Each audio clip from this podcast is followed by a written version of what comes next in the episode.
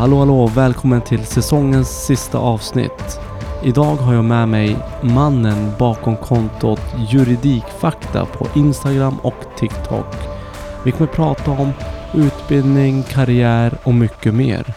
Vi säger varmt välkommen till Edmond Torossian.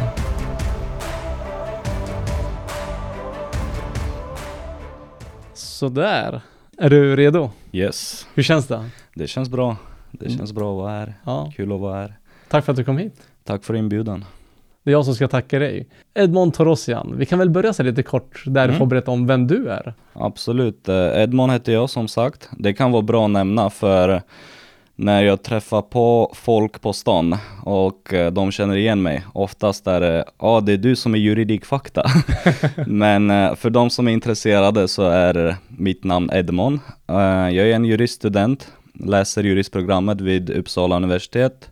Har kommit hyfsat långt nu, det är bara ett år kvar.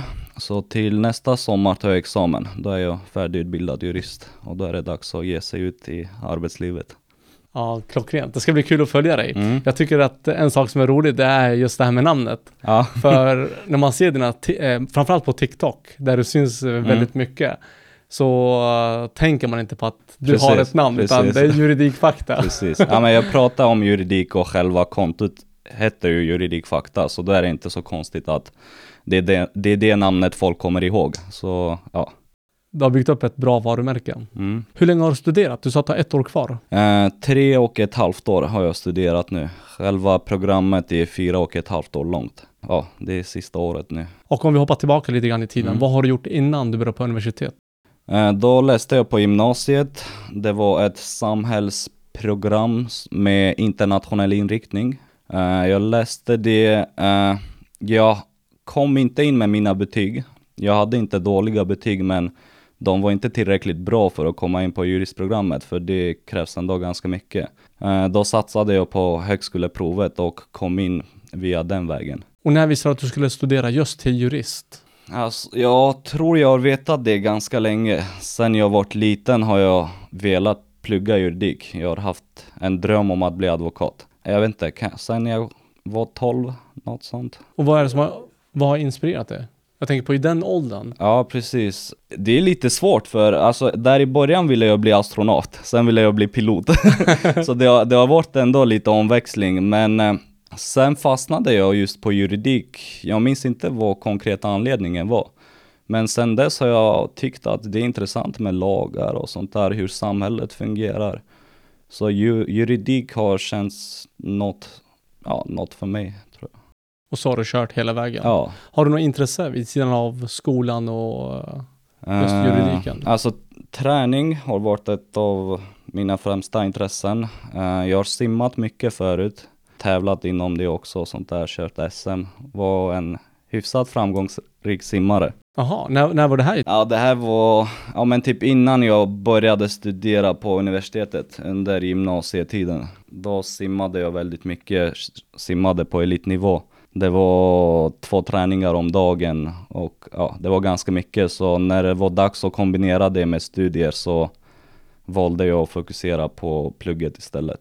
Ja, grymt. Ja, det hade jag ingen aning om. Ja, Men simmar du någonting idag? nej inte så mycket. Det är bara lite då och då att eh, jag går dit och kör något pass själv. Men eh, inte som förut i alla fall och jag, täv- jag tävlar inte längre heller. Så Hur känns det då? Jag tänker på om du har varit med och tävlat och varit så framgångsrik, Ja. att bara lägga av med Ja, det. ibland känns det lite synd att jag har lagt av med det, men eh, samtidigt så känner jag att jag valde att fokusera på rätt grej. Alltså plugget var ändå viktigt. Det var alltid liksom plan A för mig, alltså plugget var viktigare. Så det är inget jag ångrar så, men ibland när jag ser någon tävling sim, ja, där de simmar och så, så blir jag lite sugen. Jag tänker, jag borde kanske inte ha slutat. Ja, det känns bra nu för tiden. Det, jag gymmar för det mesta, bara för att eh, hålla det uppe lite. Men, Ja men det är bra, hålla igång. Ja, Trä, trä, precis. träning är bra faktiskt. Oh Man, ja, man får oh energi. Ja, det, alltså det hjälper även när det gäller plugget också. Mm. De dagar jag kör en morgonträning och sen går och sätter mig och pluggar så man känner sig mycket piggare och jag får in det mycket enklare, det jag läser. Det kan jag faktiskt förstå. Jag, jag själv är likadan. Jag har varit dålig på träning just nu. Mm. Men de gånger när allting Mm. flyter på bra för mig, alltså Ja. så här jobb, familj och allting. Det är de tiderna när jag tränar Mm, ordentligt. Verkligen. Och jag är ju en sån här Nutella-torsk, så jag behöver, jag behöver träna. Ja men så är det i vissa perioder, det är så här, äh, jag tränar för att jag ska kunna äta det jag vill. jag tänkte prata lite grann om TikTok med dig. Mm, mm, Det var så kul för att jag hörde av mig till dig för lite mer än en månad sedan tror jag det var. precis. Eller hur? Ja, Du la upp ett klipp på TikTok och sen efter det så var det många som hörde av sig till mig och bara du borde ta med en jurist, du borde ta med en jurist. så? Så här, ja. Och jag bara, ja men eh, självklart så här, men Mm. eh, typ har ni tips? Och så var det många som tipsade om just dig. Mm, Så jag gick in och kollade, för du har ju ett stort eh, konto på Precis, TikTok med precis. 150 000 följare precis. och gör bra content Mm. där man får lära sig om lagar och regler helt enkelt. Vart fick du den idén ifrån? Ja, det hela började egentligen med att jag startade en Instagram-sida. Och då tänkte jag att jag skulle publicera ja, men juridiska frågor som har stort allmänt intresse.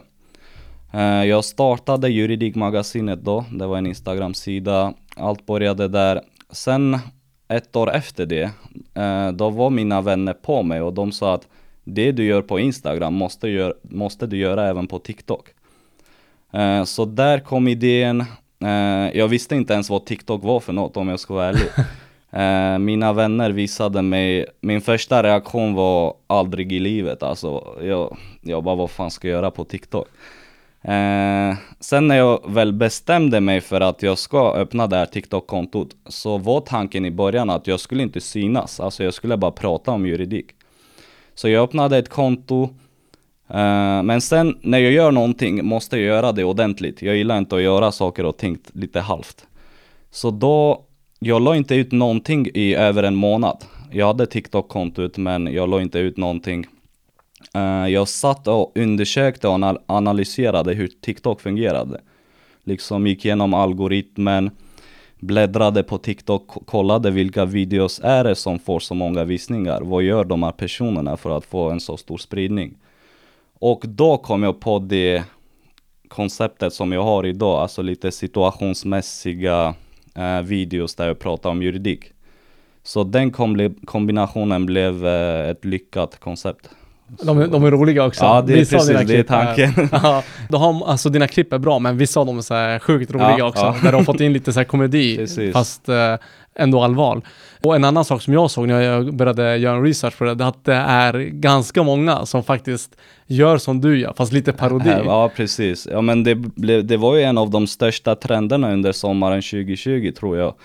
Jag såg eh, minst ett par hundra videos där folk gjorde parodi på mig. Så Aha. det gjorde också att eh, själva kontot fick så stor spridning. Så det var kul att se det. Men hur känns det? Alltså när man ser att folk härmar en.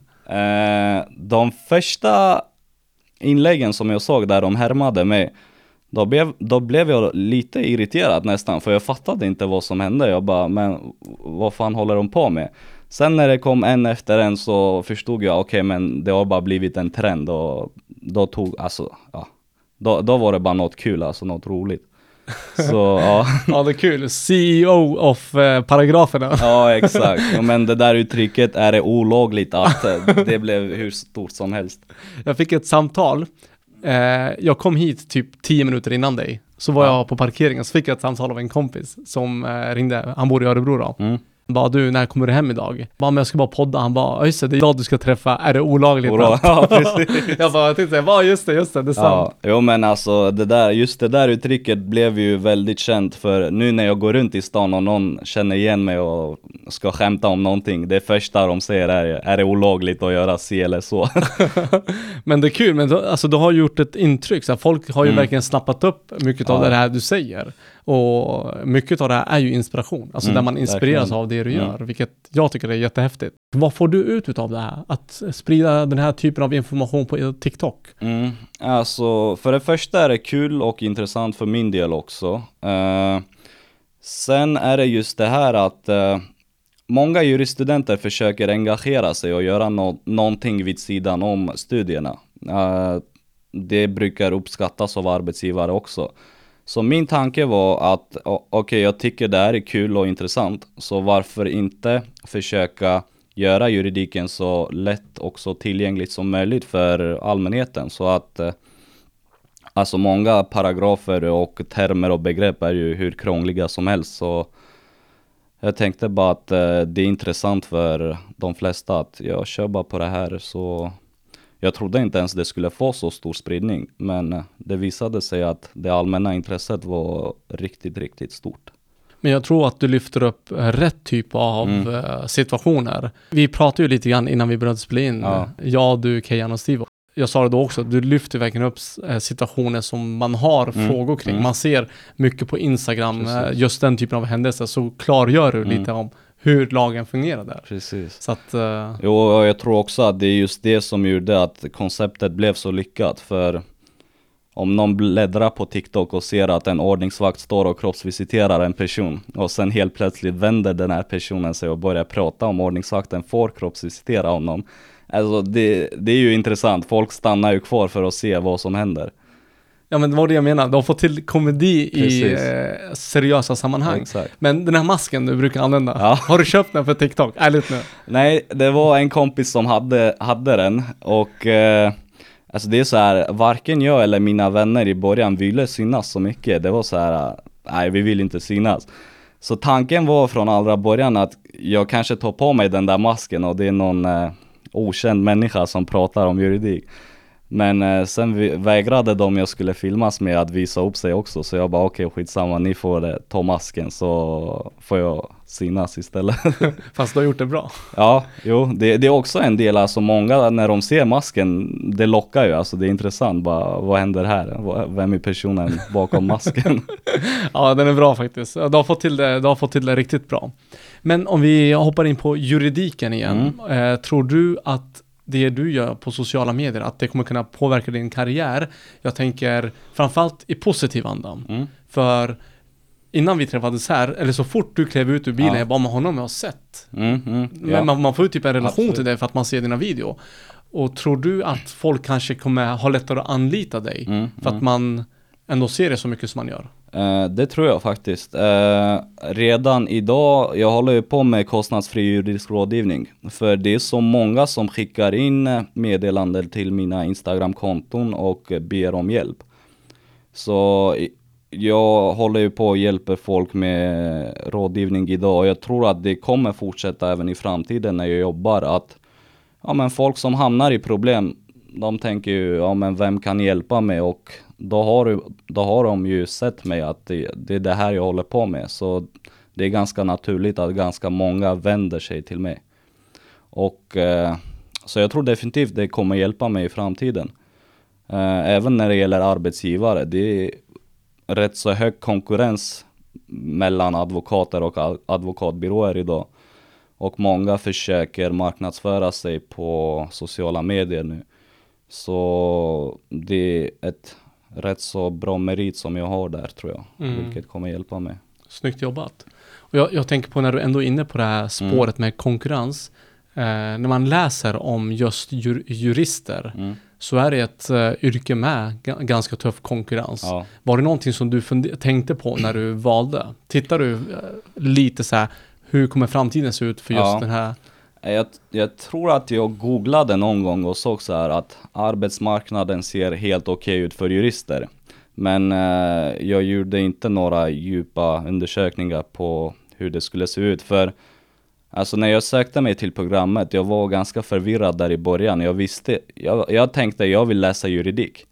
Men jag visste inte att programmet var så brett att alltså man kan bli nästan vad som helst när man läser juristprogrammet. Du kan jobba i förvaltningsmyndigheter, typ Försäkringskassan, Skatteverket och sånt där. Du kan jobba inom regeringshuset, tjänsteman i riksdagen, inom EU, åklagare, domare, advokat. Alltså det är så brett. Så jag hade ingen aning om det där. Och jag gjorde inga djupa om en analyser om hur konkurrensen eller arbetsmarknaden kommer se ut. Utan jag tyckte bara det var kul med juridik och det var det jag ville läsa. Eh, samtidigt, ganska tidigt i programmet så kände jag att eh, i, i alla fall affärsjuridik är inget jag vill hålla på med. Det kändes rätt så tråkigt med att sitta och kanske granska avtal och sånt där. Utan det är mest människor jag vill jobba med. Så den humanjuridiska linjen var ganska självklart. Mm. Vi pratade om det här äh, Mm. strax innan vi började spela in. Just det här med äh, riktningen som du vill Ja. ta, att du vill jobba med människor. Men du nämnde också, om jag inte minns fel, att du kommer jobba vidare för att bli advokat, eller hur? Och äh, din utbildning idag är fyra och ett halvt år.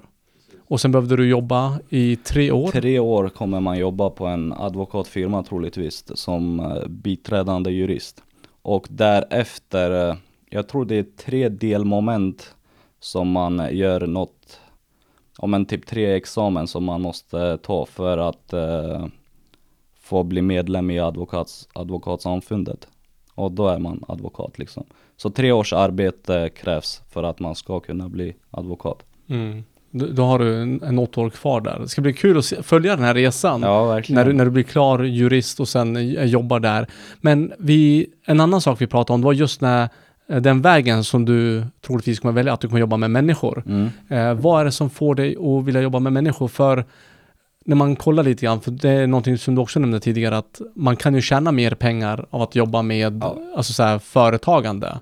Men vad är det som lockar med just människor? Eh, ja, alltså nu, jag, jag har tyckt att det har varit kul att jobba med människor och nu när så många skriver till mig på Instagram och ber om hjälp, då känner jag verkligen att eh, det är rätt väg jag har valt. Att eh, när jag hjälper de här människorna, man går ju liksom in i deras liv, ser deras problem och hjälper dem. Oftast så har de ingen att vända sig till. Och när du hjälper de här människorna, det blir så stort för dem. Och då mår även du själv bra av att hjälpa personer som är i en utsatt situation. Så just det där tycker jag är jättekul. Och där kommer du kunna spendera mycket tid också. Ja, verkligen. För det är mycket tid Så- i yrket. Alltså som eh, försvarsadvokat så tjänar man inte dåligt heller där. Men eh, som du nämnde också såklart, är du en eh, lyckad affärsjurist så kan du tjäna mycket mer än så. Men eh, jag tänker att pengar, pengar är viktigt, men det är inte allt. Alltså man får ju hålla på med sånt man tycker är kul också. Alltså jobbet, det kommer ju vara en stor del av ens liv så det är viktigt att trivas på jobbet och hålla på med någonting som man tycker är kul och intressant. Jag tror den där, vikten är, jag tror den där biten är viktig. Alltså att man Ja, hittar någonting som man också vill hålla på med. Eh, Jag håller med dig, pengar är en viktig del men det är inte allt. Jag menar, Precis. du är 24 år gammal idag Mm. och du kommer vara ute i arbetslivet i ganska många år och då vill du ändå Precis. hålla Ja, ja, och göra någonting som ändå får dig att vakna på morgonen, ta dig till jobbet. Eh, Verkligen. Ehm, Men jag, jag berättade ju tidigare, jag är ute och föreläser en hel del och träffar ungdomar och då brukar vi prata om just det här yrket som du håller på att Mm. utbilda dig till, jurist. Det, jag stöter på mycket folk som vill jobba med det. Men när jag frågar så här, vart kommer inspirationen ifrån? Vad är det som får dig Ja. att vilja bli just jurist eller advokat? Så är det faktiskt mycket serien vi pratar om, Ja, Suits. precis. Ja. man har sett Harvey Specter och man vill eh, gå runt med kostym eller. Eh, Man vill eh, vara som eh, Jessica Parker och ha på Mm. sig eh, fina kläder och dricka en whisky på kontoret. Men kände, tror du att något sånt här kan ha inspirerat dig också? Att du har sett på tv eller? Inte så mycket tror jag. Alltså just den där serien, jag tror det är affärsjurister eh, som det handlar om och eh, det är mycket mer vanligt med det där flashiga Mm. liv, livsstilen som de har. Men eh, ja, jag vet inte, jag har haft den här tanken sedan jag var liten som jag sa och jag minns inte riktigt vad som kan ha inspirerat mig. Men eh, jag tror definitivt att det är något som inspirerar många unga idag. Det gör det. Jag tror att du också är en sån här stor inspiration för många unga. Ja Det- det, har jag hört från många Ja. faktiskt som har sagt att eh, de vill läsa juridik nu när de Mm. sett mina videos och sånt. Men det kan jag förstå faktiskt. Ja. För, du, för jag nämnde det också, du har, du har en skön personlighet och eh, du får ändå ut det här budskapet men också din personlighet på ett bra sätt i video. Jag tycker det, du gör det ruggigt bra. Tack. Ja, vi, får ta, vi får ta en utbildning där, jag och du. jag, jag får köra typ såhär, nå- nå- någonting i stuk med det där. Är det olagligt? Är det ja? Alltså, ja, vi får hitta, hitta på någonting. Ja. Och eh, om vi pratar lite grann om dina studier. Mm. Hur har det gått nu på universitetet? Har, det, har allting bara flyttat på eller har du haft utmaningar? I så fall vad? Eh, alltså, det har gått bra, men eh, alltså man får ha i åtanke att det är en eh, svår utbildning. Alltså det är det. Eh, sen får man inte överdriva det här. Jag hör många som se säger att man har inget liv när man väljer att plugga juristprogrammet för det är så mycket.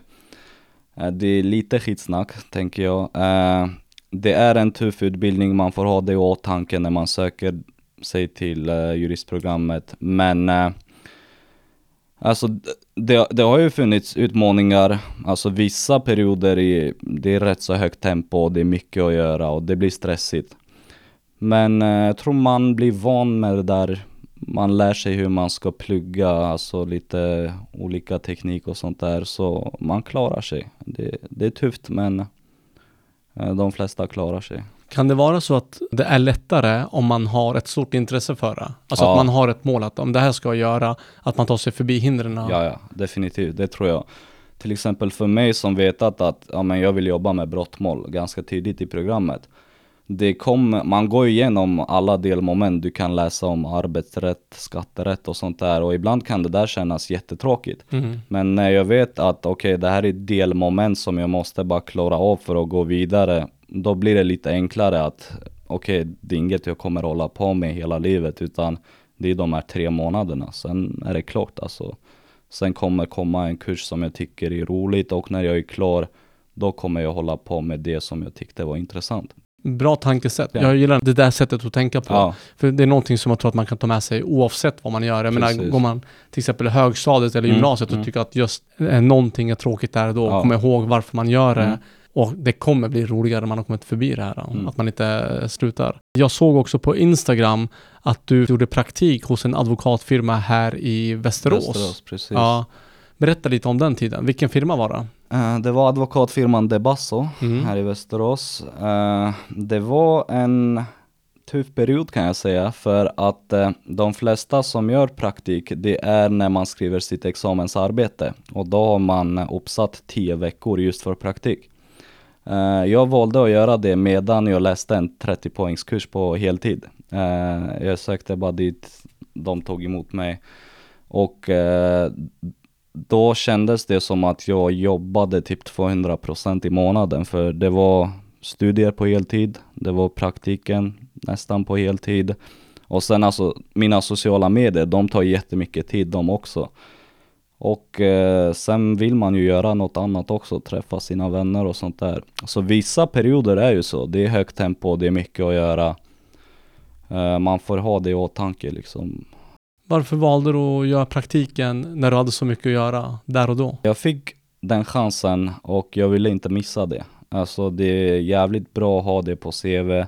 Man lär sig jättemycket när man är där på plats och jobbar med riktiga mål. Alltså, det är en sak att sitta och läsa böckerna på universitetet och kolla hur det är i eller lära sig hur det är i teorin och en helt annan sak när man är där ute, jobbar med riktiga mål. Och det som var bra med den här praktiken det är att alltså på många ställen när man söker så får man eh, kanske fixa lite kaffe och skriva ut lite papper. Alltså här var det bara, man fick verkligen jobba med riktiga mål, biträda advokaterna på firman. Så jag fick ut jättemycket av den där praktiken. Hur kändes det där? Jag tänker på när du ändå fick eh, utöva din kunskap, alltså så här praktiskt. Mm. Hur kändes det? Kände du där och då att ah, men nu har jag, jag har verkligen valt rätt? Eller? Ja, det, det var så, det kändes faktiskt. Att eh, när jag jobbade med de målen så kände jag, fan det här var mycket roligare än eh, själva studierna. För alltså själva juristprogrammet, jag ska vara ärlig, det ibland, eller ganska ofta, så känns det som att det är jättetråkigt. Eh, det är inga, alltså de böcker man läser, det är inga så här sköna böcker. är, ibland kan du läsa flera sidor och känna bara fan, inget gick in. Det, uh. ja. Men eh, att jobba, alltså det verkliga arbetet i arbetslivet, det, var, det kändes mycket roligare. Det var mycket mer intressant. Kommer du eh, göra praktik i slutet av utbildningen också? För ja, du nämnde att man gör det Precis. vid examen. Ja. Om ett år när jag skriver mitt examensarbete, eller inte ens det, det är till uh, nästa vårtermin tror jag. Uh, då kommer jag välja att göra praktik igen. För man lär sig jättemycket och förs in i själva advokatbyråerna, hur det funkar och hur man kommer ha det som biträdande jurist. Men det, jag tänker att det är en smart grej, alltså det du gjorde, även om det blev tufft Mm. där och då. För eh, du fick ett leende som man inte kan se nu, vi, i och med att vi inte filmar det här, men du fick ett gigantiskt leende Ja. när du pratade om det. Och jag kan tänka mig att en sån där grej spär på din motivation. Verkligen. Att, så här, att du Ja. ser fram emot att ah, men nu ska vi lägga in Mm. nästa växel och köra klart. Vilken Ja. smart Precis. grej du gjorde där. Alltså det var tuffa två månader jag Mm. hade, men det är verkligen ingenting jag ång- ångrar. Alltså nu i efterhand vet jag att det var rätt gjort. Det var Mm. bra. Det behövdes. Säg till när du kan anställa mig. Jag, jag, jag kan fylla på kaffe. jag har ingen juristutbildning men vi fixar det. Ja, jag menar såhär. Mike Ross Ja, det i Suits. Ja, eller hur? Nej då. Men om du fick skicka med något tips till någon som kanske vill studera eh, Mm. till jurist, som kanske så här tvekar, vad skulle du skicka för tips? Alltså jag tror att det är bra att tänka på just det jag sa, att själva utbildningen, den är så bred. Så tänk inte att, oj jag kanske ångrar mig och inte vill bli advokat. För alltså de flesta som läser juridik, de blir inte advokater. För det finns så mycket annat att jobba med. Så oavsett allt är det en jättebra utbildning. Så har man tänkt att söka sig till programmet så rekommenderar jag verkligen att man gör det. Sen som jag sa också, man får ha i åtanke att det, det är en tuff utbildning. Det är det. Men eh, vissa överdriver det lite och eh, du kom, alltså man kan ha ett normalt liv vid sidan om, om man pluggar.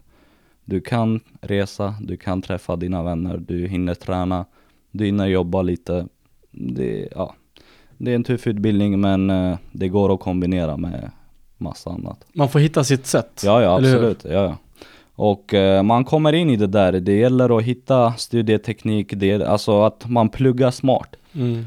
För vissa perioder har jag känt att ibland kunde jag sitta 12 timmar om dagen, 13 timmar och Alltså jag, man var inte effektiv. Sen eh, hittar man ett sätt att okej men jag pluggar 6 timmar och gör eh, en del annat. Och eh, då får jag in mycket mer under de där 6 timmarna än att jag hade suttit hela dagen. Så det är kanske tufft från början men när man väl hittar sitt sätt att plugga, då kommer det gå bra. Jag tror det här med pauser är viktigt. Ja, alltså ja, oavsett vad du gör. Eh, Mm. Jag tänker på om du läser 12 timmar så kan det vara att man är så slut i huvudet att Precis. informationen helt enkelt inte fastnar. Men att ta lite korta pauser då och då. Det finns en, eh, en ung kille på TikTok som heter Matte Pi. Mm. Som brukar... Honom har jag sett. Ja. Ja, jag tycker han är jä- jättehäftig. Han brukar faktiskt studera eh, live på Mm. TikTok. Så kör han korta pauser, Korta och pauser, folk ja. hakar på. ja, verkligen. Jag tänkte säga, Alltså det där, det där är jätteviktigt med pauser. Alltså jag har märkt det själv, sitter man för länge, de timmarna man lägger ner det är onödiga timmar. Du Mm. kommer inte få ut så mycket av det. Så korta pauser, planera, tänka att ja, men det är de här sex timmarna jag ska sitta och då får jag vara effektiv under de här timmarna. Mm. Lägg undan mobilen om det går, fokusera på det du gör och sen gå vidare och göra något annat. Du får göra en TikTok om det här. Är det Ja. olagligt att ta paus när man pluggar? Ja. ja, den ska jag köra. Nej det där är lagligt, det måste man göra. Ja men det är bra. det är bra. Men vad, vad händer när, när du är klar med utbildningen? Har du börjat fundera på vart du vill jobba? Har du kollat ut lite olika byråer? Så, ja, men Mm. här ska... Det blir en advokatfirma i alla fall, Mm. det vet jag. Eh, sen finns det några byråer som jag vet att det hade varit kul att jobba hos dem. Det är no- några stycken. Eh, jag ska inte nämna konkreta byråer nu, men Nej. alltså man har ju så här, man undersöker ju marknaden medan man pluggar, man kollar att ja men det här är kanske en arbetsgivare som passar mig. Så jag tror alla gör det. När man kommer en bit i utbildningen i alla fall. Och hur gör man det här då? Är det, tar du kontakt med dem eller följer du dem typ så här, Eh, lite i media och sånt? Ma, jag brukar, jag följer ganska mycket på sociala medier, de eh, byråer som är aktiva där, man håller koll lite på dem. Sen finns det något som heter kontaktdagen på juristprogrammet. Då kommer olika eh, byråer och samlas på en plats och då får man gå runt och prata med dem och man får söka praktik hos dem och li- få lite insyn hur eh, det är på de olika byråerna. Och eh, på den här kontaktdagen det är jättemånga affärsjuridiska byråer som kommer och sen en del myndigheter. Eh, så vill man jobba med, alltså inom humanjuridiken så kan det vara bra att kanske följa på sociala medier, söka upp lite, kolla vilka områden de här byråerna jobbar med, vem det är som uh, är delägare i firman alltså, och hur, ja, men hur det är att jobba där. Var det så du fick eh, praktik hos advokatfirman Debasso? Eller Ja, tog du det- själv kontakt med dem? Det var genom sociala medier Okej. som jag följde dem och sen tog kontakt även med dem. Och, eh, så det kan vara en bra, alltså det kan vara ett bra sätt att göra det, sociala medier. Alltså där finns mycket idag. Man kan hämta ut jättemycket därifrån. Jag brukar faktiskt tipsa om en sak eh, på mina föreläsningar när vi pratar om arbetsmarknadskunskap. Är det så att man är ute på typ TikTok eller Instagram och ser en person som inspirerar en, Mm, så är det bara att dra iväg ett meddelande. verkligen. Och typ så ställa frågor. Jag brukar säga att det värsta som kan hända, är att du inte får ett svar. ja, Jag menar, jag tog mig tiden och skrev ett meddelande till dig. Jag Precis. tänkte så här, det här kan gå hur som helst. Jag menar, Mm. du har många följare, varför ska du svara på just mitt meddelande? Men jag fick Ja, napp. precis. Och jag Ja, tror att ibland kan var det så- sv- kännas det- svårt. Ja precis, samma sak var för mig. Alltså jag skickade iväg ett meddelande och så fick jag svar. Så, och ja, precis som du sa, det, vad är det värsta som kan hända? Du får inget svar.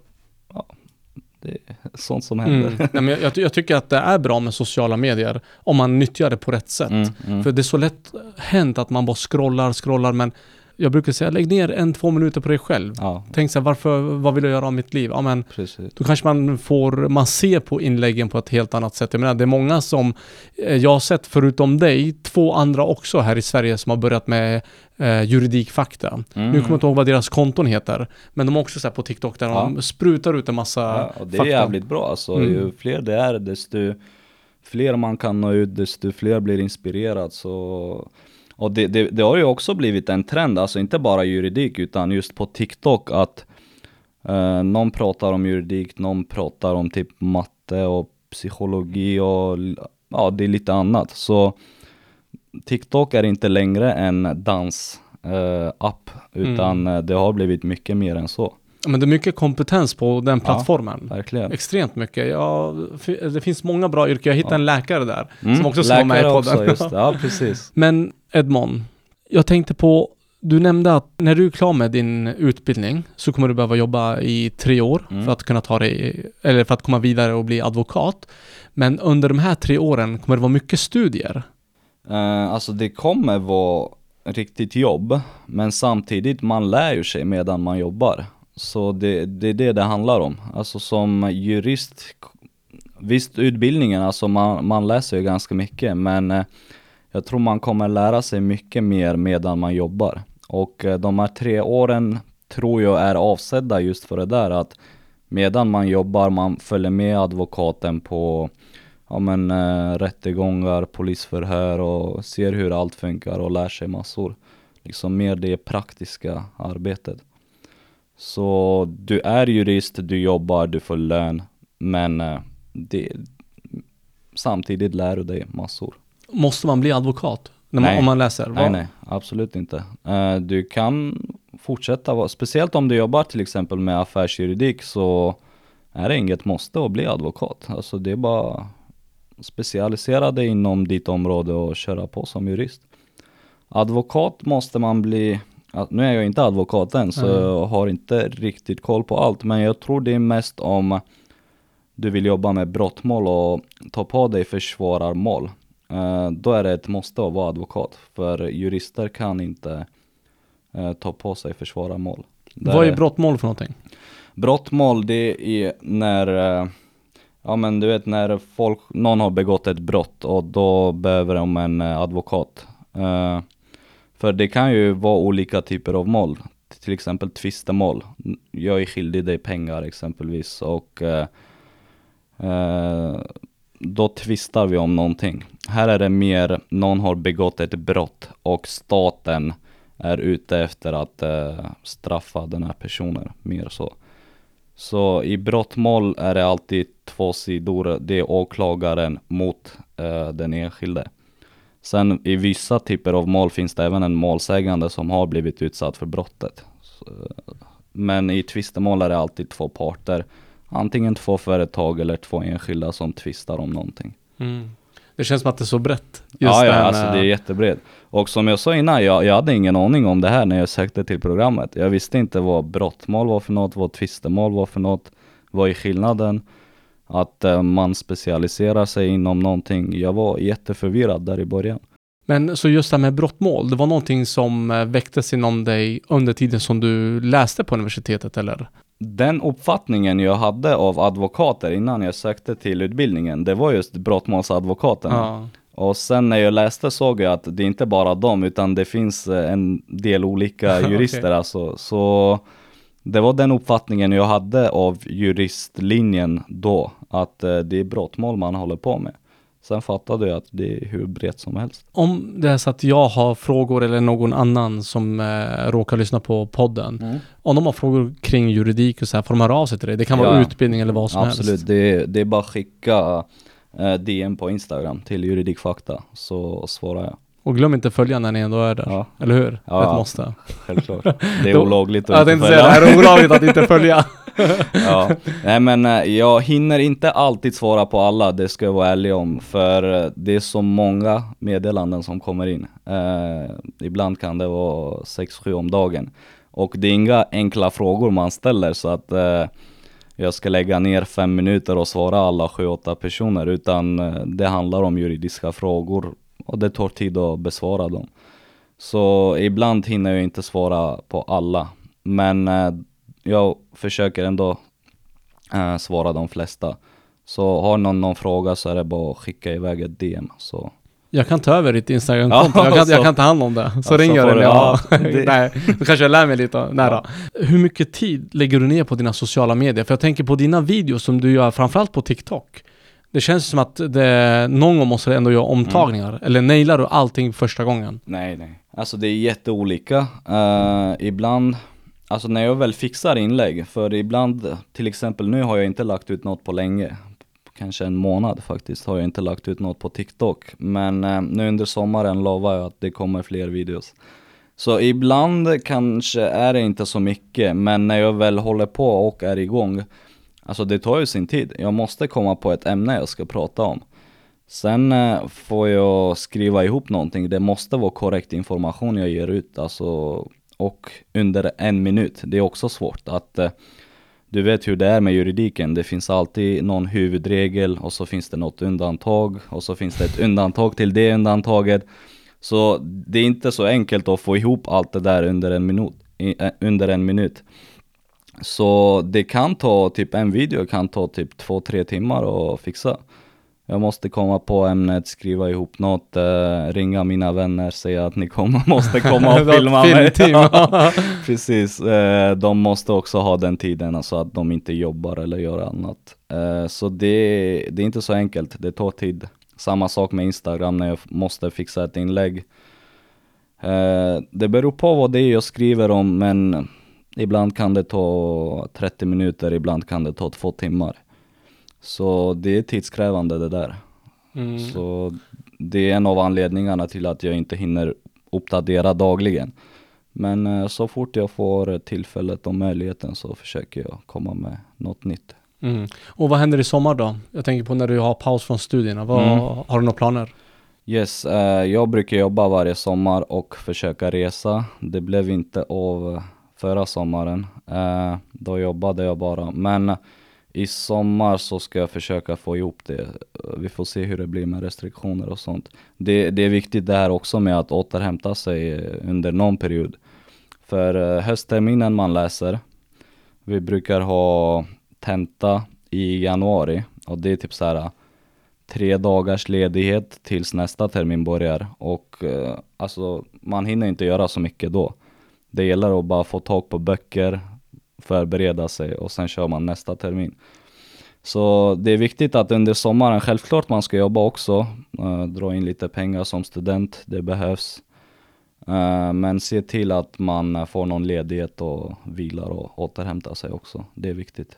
Brukar du jobba med juridik på sommaren eller är det någonting helt Ja, annat? det, är, det är helt annat, eller ja, kanske inte så mycket annat. Men eh, jag, jag har jobbat som ordningsvakt eh, ett bra tag och eh, nu under den här sommaren ska jag jobba som kriminalvårdare på häktet. Mm, kul. Så det är ändå lite kopplat till juridiken att de personer som begår brott och blir häktade ser hur det funkar hos kriminalvården. För det är Mm. en stor del av själva brottsmålsprocessen, att folk sitter häktade. Men är det någonting man måste göra? Nej, Nej. Det, det är inget man måste göra. Det, Men vad klockrent att ha den kompetensen, alltså Ja, ja. och se hur vardagen egentligen är. Mm. Alltså det här är jätteviktigt till de som ska plugga juridik, eller de som läser de första terminerna nu. Det finns ju en betygshets. Alltså folk vill få högsta betyg A och B, det är högsta vi har. Eh, för att många byråer och många arbetsgivare sen, de kräver ju att man ska ha fått höga betyg i allt. Och eh, nu märker jag att eh, många arbetsgivare, alltså när jag har kommit så långt så märker jag att många arbetsgivare, de uppskattar att man har gjort lite andra saker vid sidan om. Alltså det handlar inte bara om betyg. Så det är viktigt att man mår bra under den här utbildningen och inte fokuserar så mycket på betyg, att jag måste få A och B i allt. Utan eh, skaffa erfarenhet inom, ja men till exempel kriminalvården, sök dit. Det är en mycket bra erfarenhet. Man kan jobba som volontär inom vittnesstöden, det finns asylrättsstudenter och alltså det finns mycket annat man kan engagera sig i. Som jag tror att många arbetsgivare uppskattar. Alltså visst får man lägsta betyg på alla nio terminer och det finns inget annat på CVt liksom. Då kommer ju alla arbetsgivare ställa sig lite ifrågasättande och bara Vad fan har du gjort? alltså du har bara studerat, lagt hela din tid på det och fått eh, lägsta betyg i allt. Men eh, man behöver inte ha högsta betyg i allt heller. Alltså försök att engagera er i något annat. För min del har det varit, alltså jag har haft både volontära arbete inom vittnesstöd, jobbat som kriminalvårdare, eh, de här sociala medierna. Så alltså det är sånt där som jag tror de flesta arbetsgivare kommer uppskatta. Men det kan jag tänka mig. Du tar ju med dig kompetens från andra yrken som ändå innehåller juridik. Ja. Men att du får se världen med Mm. andra ögon också. Jag tror att man kan ha mer förståelse i vissa situationer. Mm. Det är som du säger, man får med sig mer erfarenheter. Och det är ändå en viktig grej att ta med sig. Mm. Men eh, Edmond, eh, du såg ju på Instagram, jag gjorde en sån här snygg bild på oss två, där Precis. folk fick ställa frågor och det kom in en massa, massa frågor. Mm. Så jag tänkte att jag ska börja läsa upp först lyssnarfrågorna och sen avslutar vi med snabba frågor som Okej. jag Ja, har det kört. blir bra. Säg till när du är redo där. Så att, Ja, du, det inte, så att du inte svettas.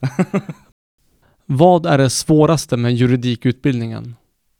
Oj, eh, det svåraste, eh, det är nog att eh, hitta det här studietekniken och planeringen som jag pratade om tidigare. Att man verkligen försöker hitta sig själv och kunna plugga på ett rätt sätt. Alltså det är viktigt tänker jag.